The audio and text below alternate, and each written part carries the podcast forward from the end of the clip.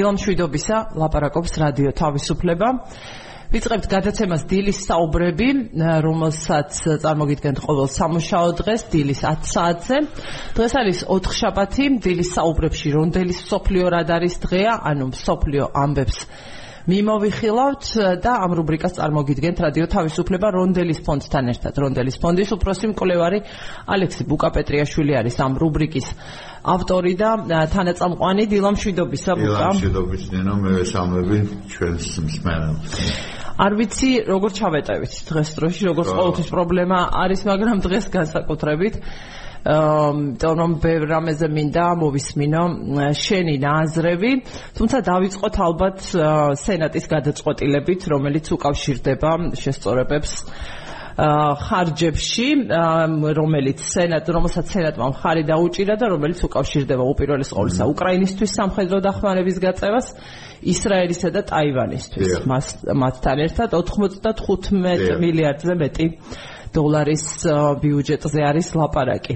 უკრაინის პრეზიდენტმა გუშინ მადლობა გადაუხადა თითოეულ სენატორს 70-დან თითოეულ ცალ-ცალკე გიხდით მადლობასო.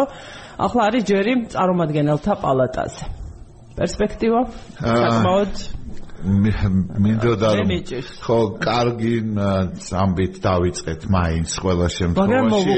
წინ წინ გადაგმული ნაბეჯია ერთ მნიშვნელოვნად მაგრამ დააწია პასუხი. ბაიდენმა მიმართა პრეზიდენტმა ბაიდენმა მიმართა პირადად.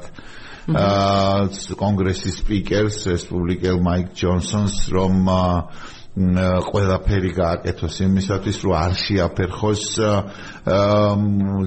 კანონ პროექტის რეგისტრირება კონგრესში კანონმდებელთა ქვედა პალატაში ამერიკის შეერთებული შტატების ვინაიდან ბაიდენის განცხადებით ვინაიდან კონგრესში არის აბსოლუტური უმრავლესობა რესპუბლიკელების ჩათვლითაც კი და მხოლოდ მცირე ნაწილი არის კონგრესმენების რომელიც არ უჭერს მხარს ამ დახმარების უკრაინისთვის გამოყოფას. მაიკლ ჯონსონის კრიტიკული პოზიცია აქამდე ცნობილი იყო.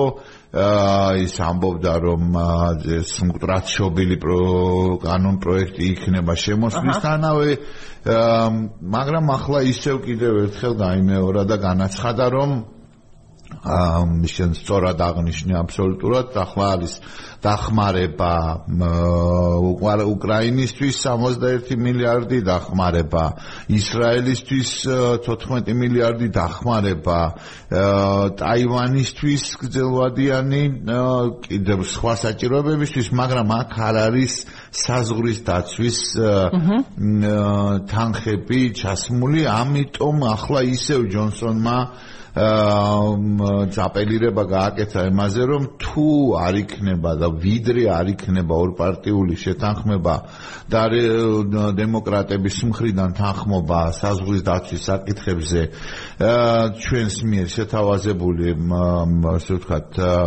წინადადებების და შესწორებების მანამდე არავითარი აზრი არ აქვს, იმიტომ რომ მისი სიტყვებით, მაიკ ჯონსონის სიტყვებით ვიდრე არ გააცნობიერებს პრეზიდენტი მისი ადმინისტრაცია და დემოკრატები რომ უპირველესი და უმთავრესი პრობლემა არის ჩვენი ქვეყნის სამხრეთის საზღვარი და ეროვნული უსაფრთხოების ინტერესებიდან გამომდინარე უნდა მიმოქმედონ და თუ ამაზე არის საუბარი მაშინ. საზღვრის საკითხი პირველი უნდა გადაწყდეს. აქ ამ შემთხვევაში საუბარი რაიმე თანხების გამოყოფაზე სხვა ქვეყნებისთვის სამაზე საუბარი ზედმეტია. ამ საზღვრის გამტკიც საზღვარზე უსაფრთხოების გამტკიცების თემით სპეკულირება მიდის ინტენსიურად რესპუბლიკელთა ამ განაპირა მემარჯვენე პოლიტიკოსების მიერ და მათი მხრიდან და ამ ყველაფრის უკან ადრეც განვაცხადე და ახლაც გავემეორებ რომ დგას პირადად პრეზიდენტობის კანდიდატი რესპუბლიკელების მხრიდან ყოფილი პრეზიდენტი ამერიკის შეერთებული შტატების დონალდ ტრამპი.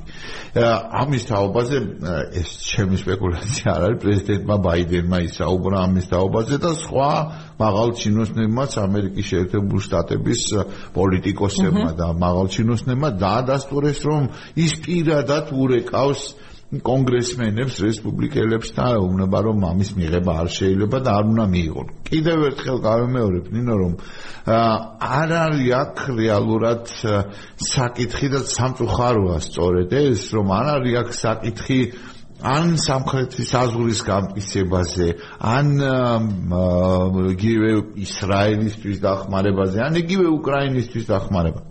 აქ არის საკითხი აა ვინ მიიღებს ამ გადაწყვეტილებას წინა საარჩევნო საარჩევნო პერიოდში. უკვე აქტიურებულია და მაქსიმალური ინტენსივობით მიდის ეს არჩევნები. შეიძლება გულშემატკივრებისთვის უკრაინის ისრაელის ამერიკის შეერთებული შტატების უსაფრთხოების მომხრეების და უსაფრთხოების განმტკიცების მომხრეებისთვის ეს რთულად ახსაქმელია თუ რაოდენ მასშტაბური და მნიშვნელოვანი საკითხი არის და ამ მიმართულებით კიდე სხვა თემებზე აუცილებლად ვისაუბრებთ დონალდ ტრამპის ბოლო დროინდელ განცხადებებზე.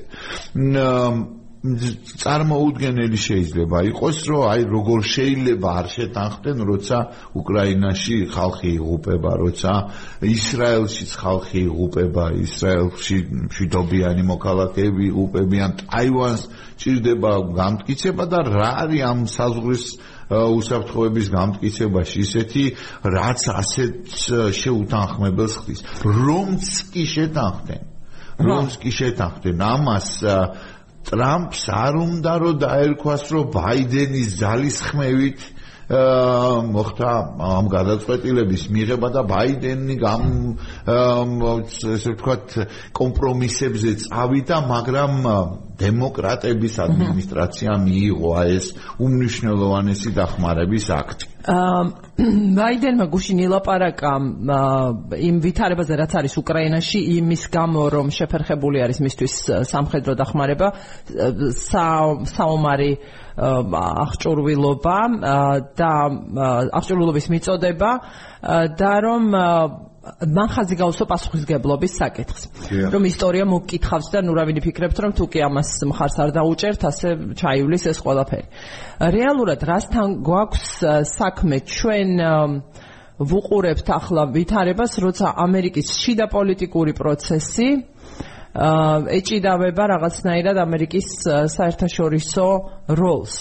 თითქოს და რისი ბრალია ეს არის ეს არის ტრამპის და მისი მომხრეების ასეთი შეხედულება მყარი თუ ძნელია ამერიკის ამომრჩევლებისთვის ახსნა გნებავთ პოლიტიკურად მიყიდვა პოლიტიკურად მიყიდვა იმისა რაც ხდება უკრაინაში.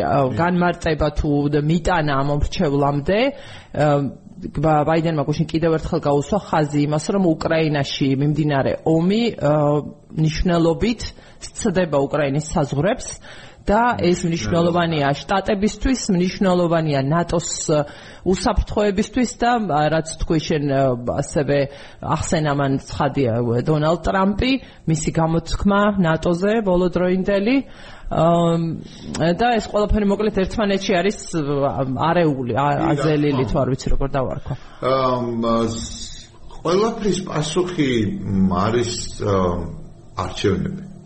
არჩევნები, არჩევნები და კიდევ ერთხელ არჩევნები, რომელიც მართლა ისტორიული მნიშვნელობის იქნება. ყველა საპრეზიდენტო არჩევნები ამერიკის შეერთებული შტატების საპრეზიდენტო არჩევნები ყველა მნიშვნელოვანია. ცხადია, მაგრამ ასეთ ვითარებაში არასდროს არ ყოფილა ბოლო 50 წლის მანძილზე, ასეთ ვითარებაში არასდროს არ ყოფილა ამერიკის შეერთებული შტატების საპრეზიდენტო არჩევნები და შესაბამისად ახლა ომი გაჩაღებული ომი ევროპაში საომარი მოქმედებები შუა აღმოსავლეთში დაძაბულობა წითელ ზღვაზე ამ სპარსეთის ყურეში უამრავი ძალიან დიდი პრობლემა არის ტაივანის წინაშე არსებული საფრთხეები. ამერიკელებისთვის ამ ხრივ ამ მიყიდვის თუ შეიძლება ეს სიტყვა ვიხმაროთ ახლა მაგის პრობლემა ჯერ კიდევ არ არის.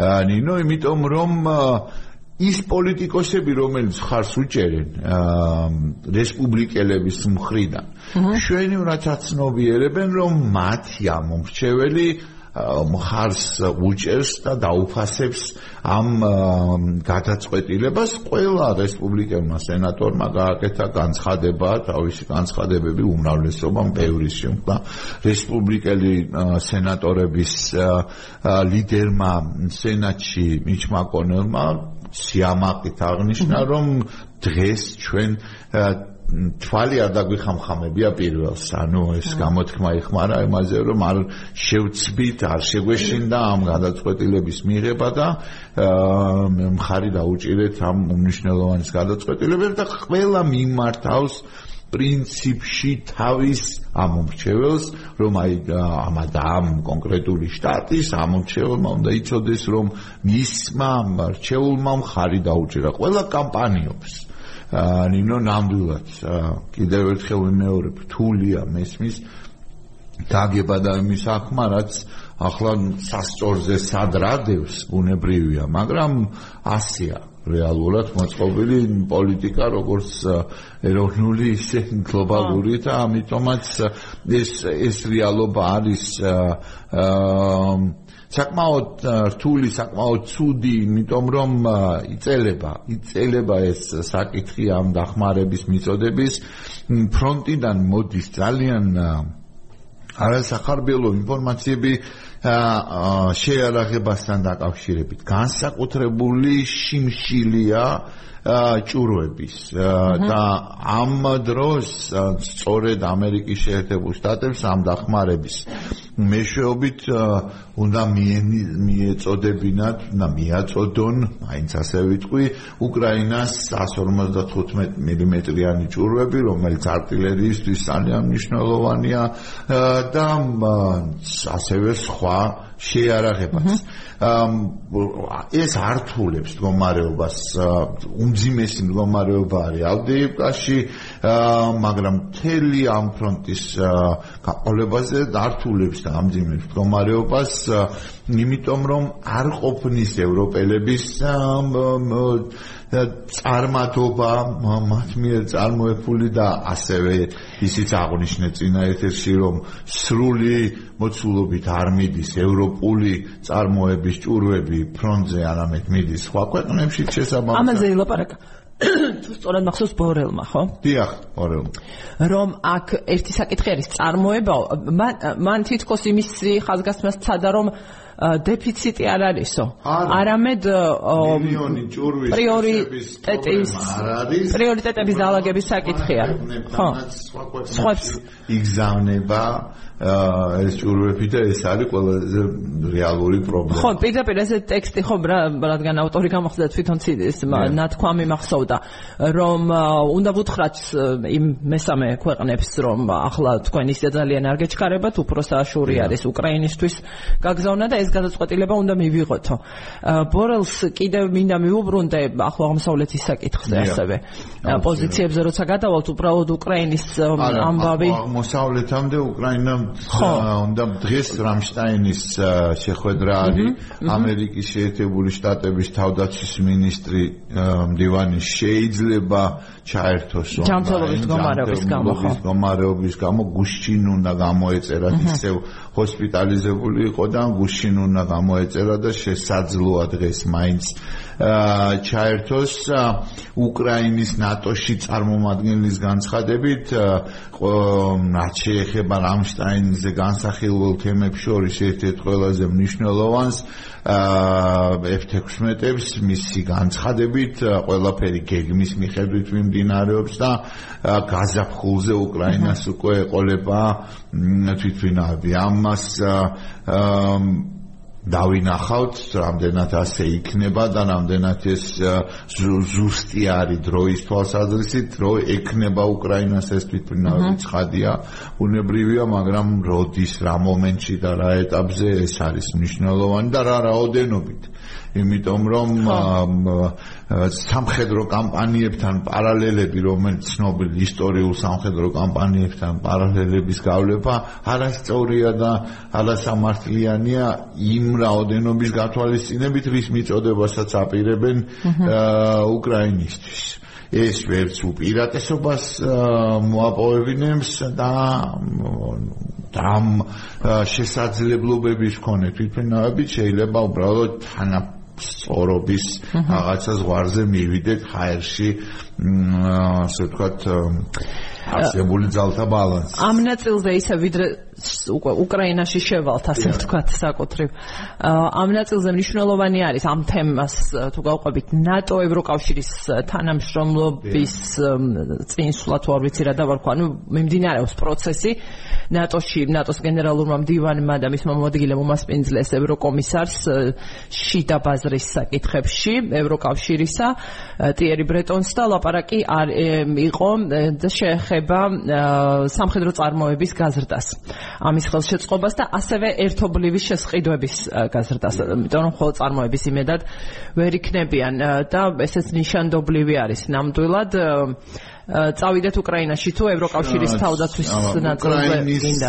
ჯერ უკრაინის თავდაცვის საკითხების თემას ამოწურა ახლა დანიშნულმა უკრაინის მთავარ სარდალმა სირსკიმ გენერალმა სირსკიმ აღნიშნა დიველთან ინტერვიუში რომ თავ იერიშიდან თავდაცვის რეჟიმში გადადის გამოფიტვის მოწინააღმდეგის გამოფიტვის მიზნით გადადის თავდაცვის რეჟიმში ცხადია ბუნებრივია ახლა თავდაცვაში. ამ ეტაპზე არჩევანი არ აქვს და ბოლო თვეების მანძილზე ახლა განსაკუთრებით ინტენსიური თავდასხმის რეჟიმიც რეალურად როგორც ასეთი არ ყოფილა.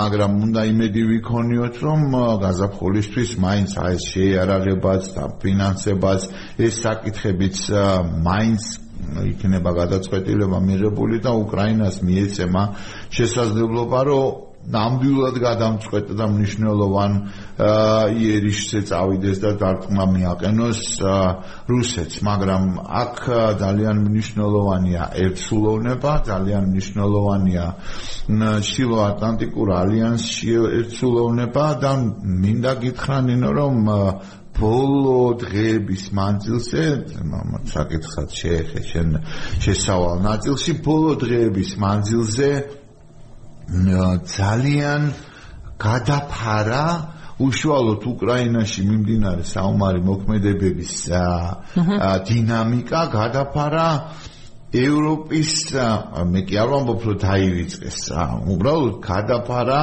ევროპის უსაფრთხოების უზრუნველყოფის მასშტაბებმა თორე პირდაპირ კონტექსტში არის ბუნებრივია უკრაინის გამარჯვების შემთხვევაში უზრუნველყოფილი იქნება ევროპელების ხანგრძლივი უსაფრთხოება და რუსეთის გამარჯვების შემთხვევაში ევროპის ქვეყნები მე აღარ ვიცი უკვე მაგაზე იმ სანდო და სერიოზული წყაროები ყველა ჩtildeოეთ ევროპული და ცენტრალური ევროპის ქვეყნების და დაზვერვის ხელმძღვანელების ერთობლივი რაღაცა ანგარიშები თავდაცვის ministrების განცხადებები პრემიერ-მინისტრების განცხადებები ყველა მიუთითებს და მიანიშნებს იმაზე რომ რუსეთი უკრაინაში გამარჯვების შემთხვევაში აუცილებლად განახორციელებს დარტყმას ნატოს ერთ-ერთ წევრ ევროპულ იმის და მიუხედავად რასაც ხადებს პუტინი ბოლო ინტერვიუს. იმით მიუხედავად, რა თქმა უნდა, რასაც აცხადებს პუტინი, იმიტომ რომ პუტინის სიტყვების არ არ რუსეთს საერთოდ ძალიან ბევრს სხვათა შორის რეიტინგულად რეიტინგულად ამ ინტერვიუმ ვერ მიიღო ის შედეგი მოსკოვში ყველაზე დაბალი იყო მისი ყურებადობა მოსკოვური ტელეგრამების მიუხედავად იმისა რომ ეცადნენ ტაგერ კარლსონის ფიგურის ამოწევას ადგილს. მაგრამ ამ ინტერვიუ, იმიტომ რომ ინტერვიუზე მივალთ აუცილებლად, მაგრამ ამ ევროპული საკითხის უსაფრთხოების საკითხის ეს ტემპერატურა იმიტომ აიწია, რომ ტრამპმა გააკეთა მორიგი განცხადება დაადასტურა რომ დიახ ის მსჯელობდა, ფიქრობდა. ასე რომ თუ არ გადაიხდით აა უსაფრთხოების საკუთარი უსაფრთხოების ხარჯებზე თუ არ გაზდით ამ ხარჯებს პირიქით წავაქეზებდი კიდეც რომ ის ქვეყნები ვინც არიხთის იმ ქვეყნებს ვინც არიხთის თავსაც დაესხას და შეუტიოს კიდეც რუსეთმაო ჯონ ბოლტონმა სხვათა შორის პოლიტიკოსთვის მიცემულ ინტერვიუში შევახსენებ ჩვენ მსმენელს რომ იყო მისი ტრამპის ეროვნული უსაფრთხოების საკითხებში მრჩეველი და მე წავიდა თანამდებობიდან ჯონ ბოლტონმა განაცხადა რომ ეს არ არის მოგონილი ეს არ არის მხოლოდ რაღაცა პიარ კამპანიისთვის გამოყენებული მე და დასტურა რომ თვითონ იყო შემწე როგორ ეუბნებოდა ბრიუსელში ევროპული ქვეყნის ერთ-ერთ ლიდერს რომ ასე იქნება თუ არ გადაიხდის ევროპის ქვეყნები 2%-იან მთლიან შიდა პროდუქტთან მიმართებაში 2%-იან დონეზე არავა თავდაცვის დაფინანსების. აქ რეალურად საუბარი არის პირველ და უმთავრეს გერმანიაზე. გერმანია მნიშვნელოვნად ზრდის თავდაცვის ხარჯებს, საკუთარი თავდაცვის ხარჯებსაც ყველაზე აქტიური და სერიოზული მხარდამჭერი ხდება უკრაინის სამხედრო ტექნიკის მიწოდების თვალსაზრისით, მიუხედავად იმისა, ჩვენ და ჩვენ და სამწუხაროდ რომ ტაურუსის შორმანძილზე მოქმედ რაკეტებზე ჯერ კიდევ არ არის ეს გადაწყვეტილება, მაგრამ იმ შეთანხმების ვალდებულების შესრულებამდე, რომელიც 2014 წლის უელსის სამიძე იქნა მიღებული 10 წლის წინ, ზუსტად მიიღეს ეს, რომ 2024 წელს ყველა ქვეყანა აიყვანს თავის თავდაცვის ხარჯებს. მინიმუმ 2%-ზე მთლიან შიდა პროდუქტთან მიმართებით გერმანია არსებული ეკონომიკური მდგომარეობის გათვალისწინებით ნამდვილად ვერ შეძლებს წელს ამ ვალდებულების შესრულებას. მიუხედავად იმისა რომ კიდევ ერთხელ ვიმეორებ გერმანია ყველაფერს აკეთებს და არის ყველაფრის გათვალისწინებით მაინც ლიდერი უკრაინისტვის ხარდაჭერაში კონკრეტულად სამხედრო ხარდაჭერაში და დახმარებაში გერმანიაც საფრანგეთიც. ამიტომ ტრამპის სამ განცხადებებმა რომ ის არ დაიცავს ევროპის ქვეყნებს ის საერთოდ არ თulis რომ და არ გამორიცხავს და ის უშვებს ნატოსთან ამერიკის შეერთებული შტატების გასვლას ეს ჟონგლიარობს ხო ეს ეს შეიძლება არ იყოს ჟონგლიორობა ამაზე არის საუბარი შეიძლება არ იყოს ჟონგლიორობა და ასევე შეიძლება ვერაფერმა ვერ შეაფერხოს თუ კი ის გახდება პრეზიდენტი, იმიტომ რომ ეს კონგრესის და სენატის მიერ მიღებული ორპარტიული გადაწყვეტილებები ამის შეუფლება მოსილებების შეზღუდვაზე არის სასამართლოს გადასაწყვეტი საკითხი მერე, მაგრამ ვიდრე სასამართლო ამას განიხილავს და სასამართლო ამას გადაწყვეტილებას და განაჩენს გამოიტანს ამერიკის შეერთებული შტატების პრეზიდენტი თუ განაცხადებს, რომ ასეთ მოკავშირეებთან ყოფნა ჯობია საერთოდ არ ვიყოთ. ალიანსში, ეს იქნება ამერიკის შეერთებული შტატებისთვის უმძიმესი დარტყმა მისი რეპუტაციისთვის.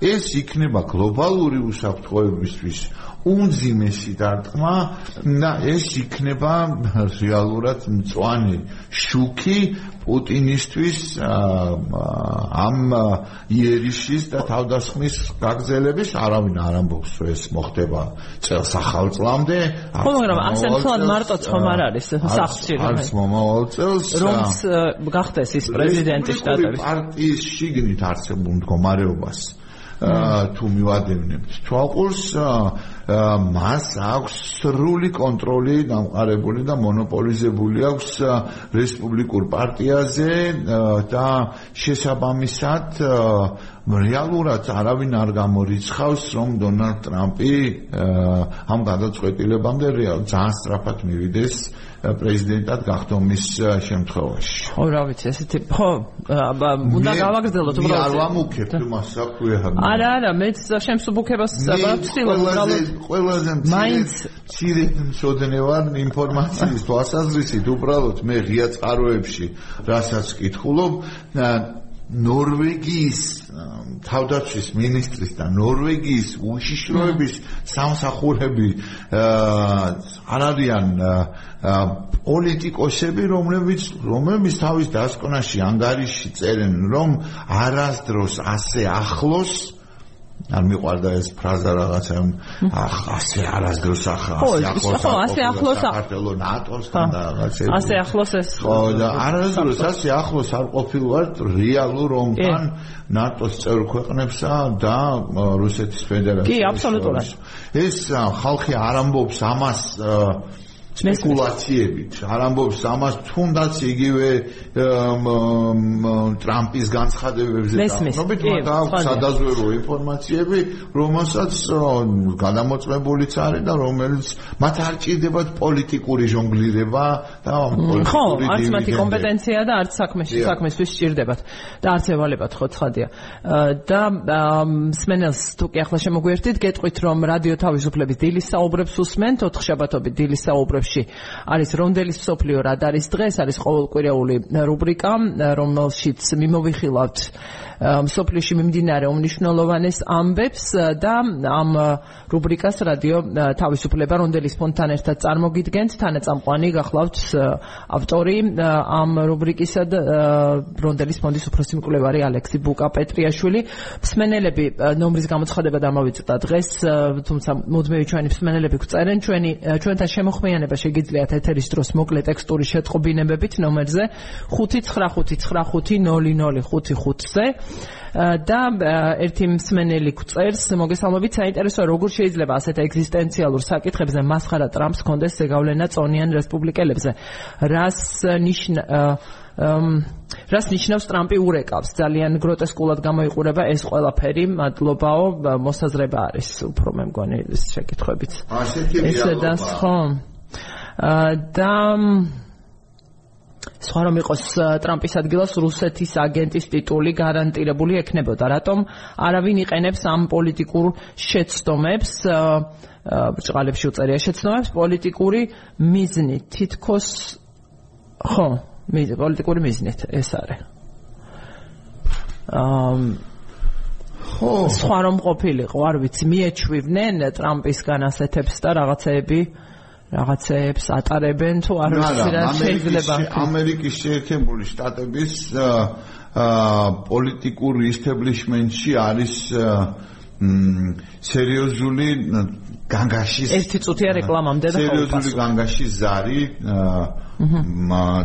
ეხლა წამოვიდა აქტიურად თემა და ეს თემა წამოვიდა კონკრეტული ერთ-ერთი ანგარიშიდან ბაიდენის ჯანმრთელობის მდგომარეობასთან დაკავშირებით მეც ეს დასკვნები უნდა გაკეთდეს მის ასაკთან დაკავშირებით ამაზე ცდილობს კულების აკრეფას ორივესთან მიმართებაში ნიკი ჰეილი. რესპუბლიკელების კიდევ ერთი კანდიდატი რომელიც ამბობს რომ აღარ ჭირდება 80 წელს გადაცილებული კანდიდატების ბრძოლა კონკურენტების ბრძოლა ჭირდება ახალგაზრდა ენერგიული რესპუბლიკელი რომელიც მიიღებს საჭირო დროს საჭირო გადაწყვეტილებებს. სწრაფად იქ მოყავდა რომ არ დაებრალებინათ ალბათ რაღაცა იჯისმიანისა თქვა პილოტების მაგალითი რომ რაღაც ასაკის შემდეგ თქვა ფრენა აღარ შეიძლება და ასე შემდეგ ბოდიში. კი. და ასევე უნდა ვთქვა რომ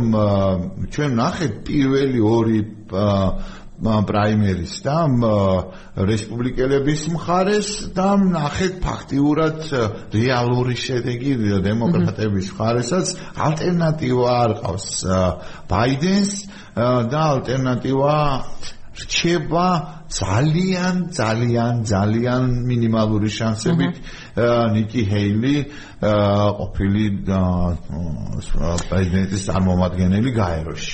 რეკლამის დრო არის რადიო პალიტრის ეთერში. სულ რამდენიმე წუთით დავტოვებთ რადიო მსმენელს. ჩვენი გადაცემა ასევე გადის პირდაპირ ეთერში.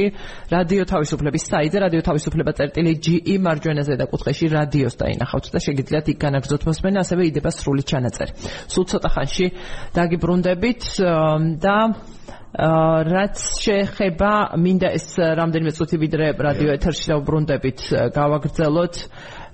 გავაგრძელოთ ევროპის თავდაცვის საკითხზე მსჯელობით კლავაც მე არ ვიცი შეიძლება მეშლება. ასეთი ნატო ევროკავშირის ფორმატების ესე ვთქვათ ეს შერწყმის მცდელობა შეერაღების შეერაღების ნაწილის გაძლიერების კუთხით თავდაცვის საკითხებზე იყო ასე ოდესმე თუ ბოლო ბოლო პერიოდში გაახლა ინიციატივა არ არის? ხელი არ არის და პირველი არ არის ამ თემაზე საუბარი. ევროპული კავშირის ავტონომიასთან ევროპული კავშირის საკუთარი ჯარების შექმნასთან დაკავშირებით და ყველა ამ ინიციატივებთან დაკავშირებით მუდმივად იყო მსჯელობა ევროპულმა კავშირმა შეიმუშავა თავისი კომპასი ნატომ შეიმუშავა კონცეფცია რა თქმა უნდა ყველა ხდება იმას რომ გადაფარვა და ხარჯების გაორმაგება არ უნდა მოხდეს უნდა გონიერად იყოს გამოყენებული ეს გადაწყვეტილება მაგრამ აი სწორედ ტრამპის ამ განცხადებებმა უბიძგა ევროპელებსაც რომ რეალურად უფრო სერიოზულად დაფიქრებულიყვნენ ევროპის საკუთარი უსაფრთხოების უზრუნველყოფაზე ევროპული ქვეყნები. შესაბამისად აი ეს მსჯელობა და დებატი ამ მიმართულებით ახლა კიდევ უფრო მეტად ამიტომ გააქტიურდა. თორემ გეტყვი პირდაპირ რომ ნატოს წევრი ევროპული სახელმწიფოები დიდი ნაწილი სხვა შორის არ უყურებდა არ აღიქვავდა სერიოზულად არ არ განიხილავდა აი ამ ევროპული კავშირის ავტონომიის საკუთარი ჯარის ყოლის შესაძლებლობას და დიდ მნიშვნელობას ანიჭებდა ყოველთვის უპირატესობას ანიჭებდა ამერიკის შეერთებული შტატების მხრიდან უსაფრთხოების უზრუნველყოფას. მაგრამ ახლა რეალურად ჩვენ ხედავთ რომ ბალტიის ქვეყნები ყველა ბალტიის ქვეყანა ფინეთი, შვედეთი, სამივე ბალტიის ქვეყანა ლიეტუვა, ლატვია, ესტონეთი ძალიან გამალებულად მუშაობენ საკუთარი თავდაცვის უნარიანობის გამტკიცებაზე, მან პირველ ხაზში არიან. რეალურად პრინციპში პირველ ხაზში არიან თუ მოუწიათ შეტაკება რუსეთთან და რუსეთის მხრიდან იქნება თავდასხმა. ეს საუბარი შეიძლება და თუ ასე იქნება რომ ტრამპის შეფუცხუნება ევროპელებისთვის იქნება იმის მანიშნებელი რომ უფრო მეტი ხარჯები იზრდება მართლა მილიარდობით იზრდება ხარჯები ნატოს წევრ სახელმწიფოებში და ესტონეთის ლიეტუვას და ლატვიას და პოლონეთსაც შეიძლება მეშლება პოლონეთი, მაგრამ ბალტიის ქვეყნებს ნამდვილად ვიცი, რომ 2%-იანი მაჩვენებელი მკლიანი შიდა პროდუქტის გადალახული აქვს საკუთარ მკლიანი შიდა პროდუქტთან კონტექსტში. უკრაინისთვის დახმარების გაწევის სამხედრო დახმარებაში საერთოდ რეკორდსმენები არიან და ამ ხრივ ამ ხრივ ევროპული ქვეყნები შეძლების და გვარად მიღებენ ზომებს და არიშურებენ ძალისხმევას მაგრამ ეს შეიძლება არ იყოს საკმარისი. ანუ გამოიწვიოს სერიოზული მსხვერპლი ევროპულ ნატოს და ევროკავშირის წევრ სახელმწიფოებში. და ეს შეიძლება მე მართლა რეალურად გადაიზარდოს ძალიან სერიოზულ გლობალურ უბედურებაში სრული ამ სიტყვის მნიშვნელობით, იმიტომ რომ არავინ აღარ დარჩება ამ ხო პოლონეთზე იმიტომ პოლონეთზე დავძებნე გასულ წელს ისეთი ეს იყო ზადარო სათავეში მოექცა არა თავდაცვის ხარჯების ნაწილში სწორედ რომ სათავეში მოექცა 3.9 მთლიანი შიდა პროდუქტისო. ეს იყო პროგნოზი ანუ დასრულებული არ არის შეფასება იმ ხარჯების მაგრამ მოსალოდნელია რომ სათავეში მოექცევა. და რადიო ეთერში ვართ კლავ, რადიო თავისუფლების დილის საუბრებს უსმენთ რონდელის სოფლიო რადარს. ბუკა პეტრიაშვილი არის სტუდიაში, ჩემთან ერთად მე ნინო გელაშვილი ვარ, ჟურნალისტი რადიო თავისუფლების სმენელის შეკითხვა. ეგება აღარ უნდა ამერიკელ ამომრჩეველს ეს მუდმივი სოფლიო ჟანდარმობა და ნატოს მთავარი კონტრიბუტორობა ნატოში ეგებს საკუთარ ეკონომიკაზე და განვითარებაზე კონცენტრირება ურჩევნია. თქვენ რა ძველებურად დაგაფინანსებენ რატომ და თქვენ რა ძველებურად დაგაფინანსებენ რატომ დარდობთ? აი ბოლო ამბავი არის რადიო თავისუფლების დაფინანსება. ამ საკითხებზე როცა მსჯელობდა პროცესებზე ნამდვილად რაც შეიძლება გამახსენდეს და მე სად ვიმუშავებ ისეთ მნიშვნელოვან მნიშვნელოვან რაღაცებზე ვლაპარაკობთ რომ რაღაც რაღაცები უნდა დავალაგოთ ხომ? პრიორიტეტების სიაში და რა ვიცი უპასუხოთ უბნება ეს რაღაცა მის მორიგი მცდელობა რა თქმა უნდა რაღაცა ჩხვლეტის ამ ხო მე მგონი პასუხი ნაკლებად აინტერესებს არჩევანია განა უსაფრთხოება. ძალიან გადაჭარბებული წარმოდგენა გაქვს და ფინანსებასთან დაკავშირებით ამ ჩამონათვალში ამიხსენებას მაგრამ ეხლა მაგ ძირფას წამებს და წუთებს. არ დავკარგავ მაგაზე ამერიკელი ამომრჩეველი მე ამაზე ვისაუბრებ ოღონდ გაგიმეორებთ თუ გნებავთ ამერიკელი ამომრჩევლის განწყობები წვიტავს ამერიკელი პოლიტიკოსების გადაწყვეტილებებს. ჩემზე, თქვენზე და ყველაზე უფრო და გამადიდებელი შუშით უყურებენ როგორი არის მათი განწყობა და როგორი არის მათი დამოკიდებულება ამ კონკრეტულად უკრაინისტის ხარდაჭერასთან დაკავშირებით. და ჯერ კიდევ 50%-ზე მეტი ამერიკელი მხარს უჭერს უკრაინისტის დახმარების სამხედრო დახმარების გაგრძელებას. შესაბამისად აქედან მიიღება ეს გადაწყვეტილება რომ ამერიკელი ამომრჩევლის და ამერიკელი მოქალაქეების ინტერესებიდან გამომდინარე ხდება. გარწმუნებთ, შეიძლება ძალიან ისეთ სასტიკ რამეს ვამბობ, მაგრამ გარწმუნებთ, რომ ეს რომ დაბალი იყოს 40% ქვემოთ იყოს, 30% იყოს, ეს დაფინანსების საკითხი განხილული არ იქნებოდა. რეალურად და იქნებოდა წნეხი და ზეწოლა უკრაინაზე, რომ დამჯდარიყო მოლაპარაკების მაგიდასთან რუსეთთან. მაგრამ აუცილდა ინფორმაცია, რომ 2023 წელს შემოდგომაზე არაბი შუამავლები დასახელდა. პუტინი ცდილობდა როიტერსის ინფორმაცია იყო ეს რომ პუტინი ცდილობდა ამერიკელებისთვის მიეწვინა გზავნილი რომ ის მზად არის ცეცხლის შეწყვეტისთვის ის მზად არის მოლაპარაკებისთვის ოღონდ ის არ ცნობს და არ აღიარებს რეალურად რომ ის 4 რეგიონი უკრაინის რომელიც მან თავის კონსტიტუციაში ჩაწერა რომ მას არ ეკუთვნის ეს ამას არ აღიარებს და ამ საკითხზე მსჯელობას არც კი უშვებს. პუტინი უფრო შორს და შესაბამისად ვერ იქნება ეს მოლაპარაკებები ვერ შედგება რაც არ უნდა გიტლერს უგულ შემატკივროს თვითონ და რაც არ უნდა ემპათია გამოხატოს მის მიმართ და რაც არ უნდა პარალელები ყოფიდან გამოიყვანა პოლონეთმა და დააწებინა ომი. ეს ყველასში ეს ის დატოვა ხო ეს პარალელი. თავის სულ ხომ იმას ამტკიცებს რომ რუსეთი იძულებული იყო მოქალაქეები უნდა დაეცვა საქართველოს შემთხვევაში. აღმოაჩინეთ ეხლა ვინც იძულებული იყო რომ ეს ომი დაეწყო და იფიქრა და ხო ერთი ეს იყო იძულებული პუტინი თვითონ და მეორე გიტლერი რაღაცნაირად რამდენჯერმე მივადექით ამ ინტერვიუს სხვადასხვა მიზეზის გამო ობიექტური მიზეზების გამო მოდი ასე ვიტყვი და ხო დიალოგიც ახსენე ახლა ისევ ის ინტერვიუ გამახსენე და რამდენჯერმე თქვა დიალოგისთვის მზადვა რომ ტაკერ კარლსონი ცდილობდა გაერკვია დაგაკმაყოფილებთ ახლა რა რაც გაქვთო ანუ დაკავებული უკრაინის ტერიტორიაზეო და უკრაინის ტერიტორიაზე. რა თქმა უნდა მაგრამ რაც რასაც ახლა ფლობთ ის თუ დაგაკმაყოფილებთ და ამაზე თუ სწორად მახსოვს პუტინმა პასუხა ეს მოლაპარაკებების თემა არისო მაგრამ ჩვენ ხომ ყოველთვის მზად ვართ დიალოგისთვის. ეს გზავნილები იყო ამ ინტერვიუზე ბევრი ანალიზი გამოქვეყნდა და ერთ-ერთი ბოლო გახლავთ მაგალითად უბრალოდ მინდა ვისარგებლო შემთხვევით რომ ჩვენ საიტზეც მიგიწვიოთ რადიო თავისუფლების ინტერვიუ ვაჟა თაუბერიძის პროფესორ სემუელ გრინთან ის არის რუსეთის პოლიტიკას ასწავლის ლონდონის კინგს კოლეჯში 90-იანების ბოლოდან 2012 წლამდე იყო მოსკოვში იქ ცხოვრობდა და იყო კარნეგის მოსკოვის ცენტრის დირექტორის მოადგილე. ეს ინტერვიუ ის ამბობს, გზავნილი იყო კონგრესის იმ ნაწილისთვის, რომელიც скеპტიკურადაა განწყობილი უკრაინის დახმარებისადმი და თან დამთხვევა სულაც არა, რომ კონგრესის ამ სეგმენტს ირჩევს ის ხალხი, ვინც ტაკერ კალსონის შოუს უყურებს და უსმენსო.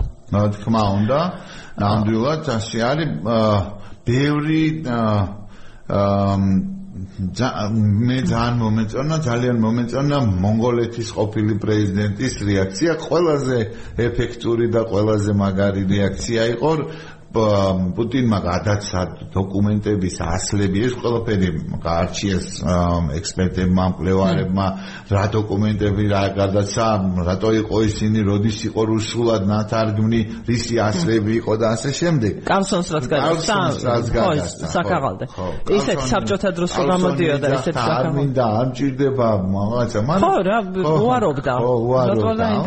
მისული იყო აგერ. ერთმანი ჯერა და წამს თქვენი და მოსკოვი მოსკოვი აღმოაჩინეთ, რომ მოსკოვი უფრო მაგარი ქალაქი ყოფილა მისთვის, ვიდრე ამერიკის ნებისმიერი ქალაქი, უფრო უსაფრთხო, უფრო სუფთა და უფრო არ ვიცი რა რაჯდება ეს, მე ვიცი არა ალბათ ამ განცხადების გაკეთება, მაინდა-მაინც მე ვიცი არ დაუждდება. მაგრამ ეს ტაკერ კალსონის ცინდიზე და კისერზე იყოს, მაგრამ და კი იქნება ისე ღირსით სადმე სადმე ჩელიაბინსკში ან სადმე სადმე იმ აკეთკენ რომ და მიიღოს მოქალაქეობა და დაბინავდეს მე ნახავს როგორი სიამტკბილობა ელის რუსეთში მაგრამ მონღოლეთის ყოფილმა პრეზიდენტმა გამოაქვეყნა მე-16 საუკუნის მდგომარეობით ჩინგის ხანის პრობლემების დროინდელი რუკა, სადაც ის ფაქტიურად თემსოფლიოს აკონტროლებდა, რა თქმა უნდა, რუსეთს მთლიანად აკონტროლებდა და უბრალოდ ის კარგი ადამიანი არის რეალურად და მიაწერა, რომ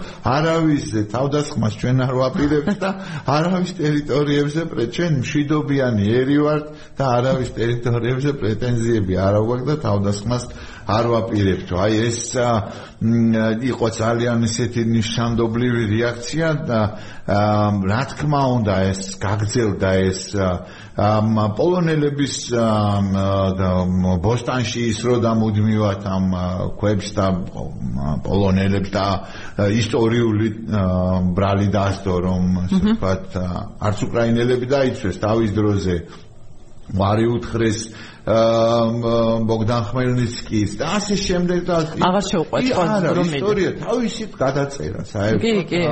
რეალურად უბრალოდ არის ალბათ რაღაც კატეგორია ადამიანების რომელიც ამას იჯერებს და ძალიან მნიშვნელოვანი აბსოლუტურად ზუსტია როგორც ყოველთვის საინტერესოა ვაჟა თავბერიძის ინტერვიუები რომ ეს არ იყო შემთხვევითი ეს არ იყო ესე გაუაზრებლად ეს არ იყო რაღაცა ემოციურად ახლა მარგარიტა სიმონიანს ცრემლები წამოვადინა მან დაგვირგვინება მამ 4 საათიანი ინტერვიუსი ეს არ ნიშნავს არაფერს. მან ძალიან კონკრეტული გზავნილები ძალიან კონკრეტულ საჭირო დროს გაუგზავნა იმ სკეპტიკოსებს და იმ მოწინააღმდეგეებს ამ დახმარების და ამ ხარდაჭერის რომ აი კაცი მოლაპარაკებისთვის ზად არის აღარ აღარ დავხარჯოთ ეს 60 მილიარდი დავსვათ ეს უკრაინის ხელისუფლება და აგერ არის მზად კაცი არის ამ შეთანხმებისთვის და ცეცხლის შეწყვეტაზე მაინც მივიდეს ეს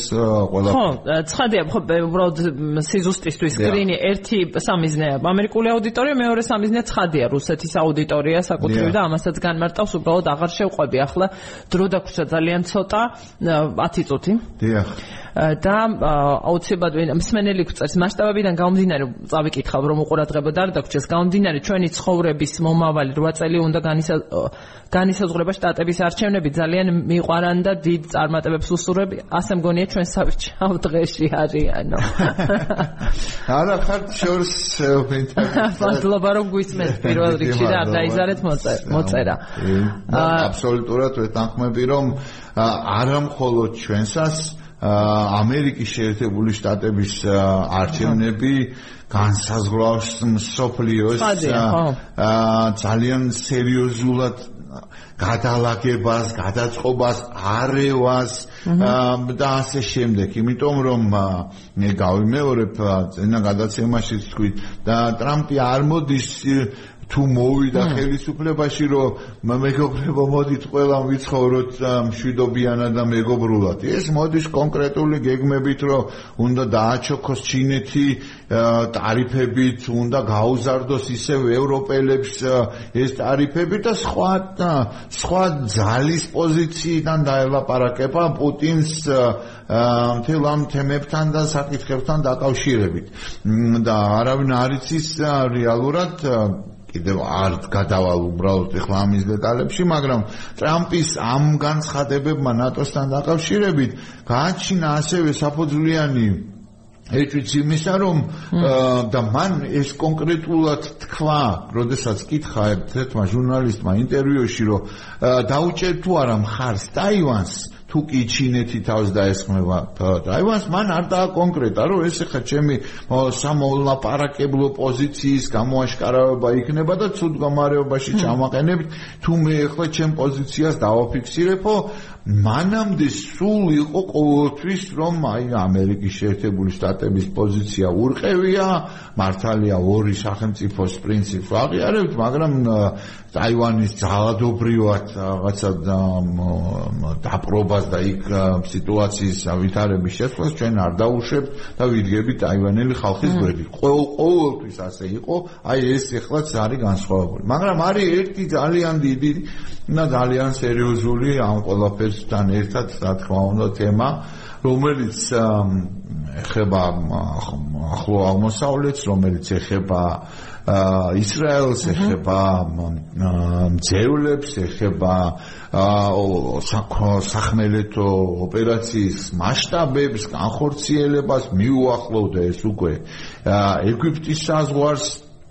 ეგვიპტის პრეზიდენტმა ეგვიპტის ხელისუფლებამ ისიც კი განაცხადა რომ თუ რაფახის ტერიტორიაზე იქნება სერიოზული მსხვერპლი სამოქალაქეების მხრიდან თუ ეს შექმნის საფრთხეს კონფლიქტის გადმოდინების ეგვიპტის ტერიტორიაზე ეგვიპტემ ზადაც კი არის რომ 1979 წლის მართლაც ისტორიული შეთანხმებაც კი გააუქმოს და ურთიერთობები გაწყვიტოს ისრაელთან. ეს უფრო მაინც გაფრთხილება არის ჩემი აზრით გუშინ შეიკრიბნენ და დღესაც ალბათ გაგრძელდება ეს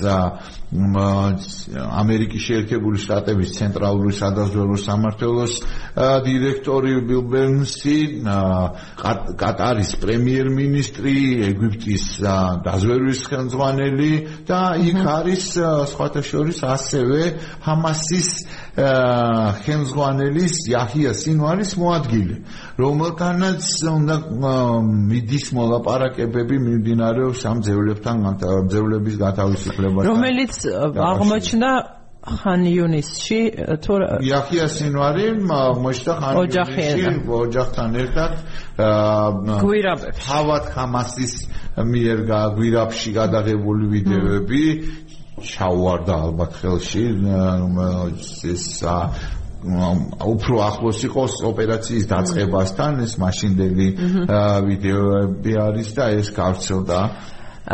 ესე იგი არის ხაზგა ისრაელს სთხოვენ ჰქონდეს კონკრეტული გეგმა მშვიდობიან მოსახლეობის მოსახლეობაში მსხვერპლის მინიმიზაციისთვის წინასწარი ამ ესე ვთქვათ მათი გადაადგილების ხელშეწყობისთვის ვიდრე აი ეს მასშტაბური სახმელეთო ოპერაცია იქნება რომ ყოველას ესმის რომ უმსხვერპლოდ წარმოუდგენელი არის უმსხვერპლო ოპერაციაზე ლაპარაკი აზრს მოკლებულია თორემ არის უკიდურესად ტრაგიკული ცხადია ეს ყველაფერი რაც ხდება იზრდება კრიტიკა, მაგრამ გამოსავალი მთლად იმავე ისრაელისთვის მთლად ასე მკაფიოდ არ მოჩანს. ისრაელის თავის პოზიციას არც ერთი მეტი არ ცulis.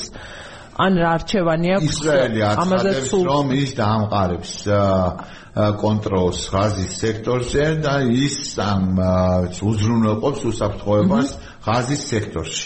და არ და არ იქნება, ეს არ იქნება ოკუპაციაო, ანუ ეს და ეს მიდგომაც ბორელი თქვი რომ კიდევ მიუბრუნდებით ხო რომ სულ მოუწოდებენო დასავლელი პარტნიორები ისრაელს რომ აა ესე ვთქვათ აა რომ ამ ხელ ამ მსხვერპლი არ შეიძლება და რა არის ეს დიდი მსხვერპლი? რამდენიაო? ბოლო-ბოლო და ამ მოწოდებებს ქმედებაც უნდა მიხვეს და არ მისცენ იარაღიო. ისრაელს არ დაეხმარონ ამოვიდა ეს აქტიობები ძალიან რა პროცესია ეს? 5 წუთი არც კი 4 დაგვრჩა და გავჩუმდები მესამე. ძალიან ძალიან რთული რთული პროცესია რეალურად ამ ვითარებაში ისრაელი ძალიან საკმაოდ რთულ მდგომარეობაშია. სხვათა შორის, იმიტომ რომ ფაქტიურად მე არ მინახავს უკვე ბოლო პერიოდში არ მინახავს უპირობო მხარდამჭერის გამონხატი თავიდან იყო ხო ეს ვიზიტები, მხარდაჭერები, ყველა სხვა სურათი იყო, ცვადი. ყველა სხვა სურათი იყო, ახლა არ მინახავს ესეთი უპირობო მხარდაჭერის გამონხატვა ისრაელის ამ სამხედრო ოპერაციასთან დაკავშირებით ერთი და მეორე.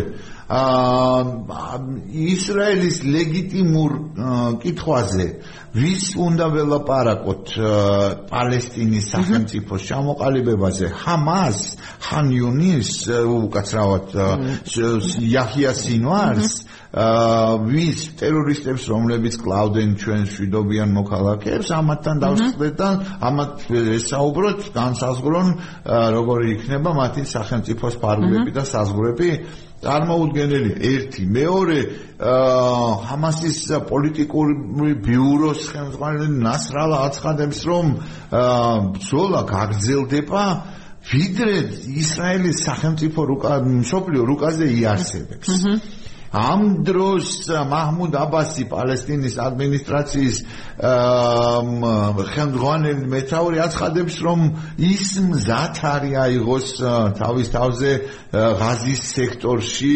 ფიელოს მიერ სიტუაციის კონტროლი და წესრიგის დამყარება და უსაფრთხოების უზრუნველყოფა. აი ეს კომბინაცია ახლა ჰამასის და ამ დასავლეთ ნაპირის ნაპირზე განთავსებული პალესტინის ადმინისტრაციის ესეც ძალიან რთულად წარმოუდგენელი. ამ დროს ამერიკის შეერთებული შტატების პრეზიდენტიც კი რომლის განცხადებებმა მის რეიტინგიც კი შეამცირა საკუთარ მემარცხენე დემოკრატ ამორჩევლებში ახალგაზრდებში განსაკუთრებით ისიც კი ამას პრინციპულად ამტკიცებს და ხასუს. ორი სახელმწიფოს პრინციპი ორი სახელმწიფოს პრინციპი ბაიდენი ერდოანი სპარსეთის ყურის ქვეყნების ლიდერები ევროპული კავშირი ევროპული ქვეყნების ალკეული ქვეყნების ლიდერები და ასე შემდეგ და ასე შემდეგ. ახლა ერთი კარგი ის არის რომ ეს ლაპარაკი მაინც მიმდინარეობს ეს მოლაპარაკებები მიმდინარეობს ეს ძევლების გათავისუფლების საკითხიც არ არის ესეთი მარტივი ის ორი მძევალი ახლა ბოლოს რომელიც გათავისუფლდა სამხედრო ოპერაციის შედეგად გათავისუფლდა ამასაც მსხვერპლი მოყვა და ამ ძევლების გათავისუფლება ძალიან სერიოზული პოლიტიკური მდგენელიც აქვს პრემიერ-მინისტრ ნეთანიაჰუსთვის. და ახლა ძალიან რთულია მაგრამ მიმდინარეობს მაინც მოლაპარაკი მიმდინარეობს და ეს სიგნალების გაცვლა რომ ისრაელს არ სულ ისრაელი ჯერ არ იწყებს ჩრდილოეთში. ლიბანის წინააღმდეგ საბრძოლო მოქმედებებს რომ ირანს არ სულს უფრო მასშტაბურ კონფლიქტში ამ ყველაფრის გადაზრდა და ჩართვა.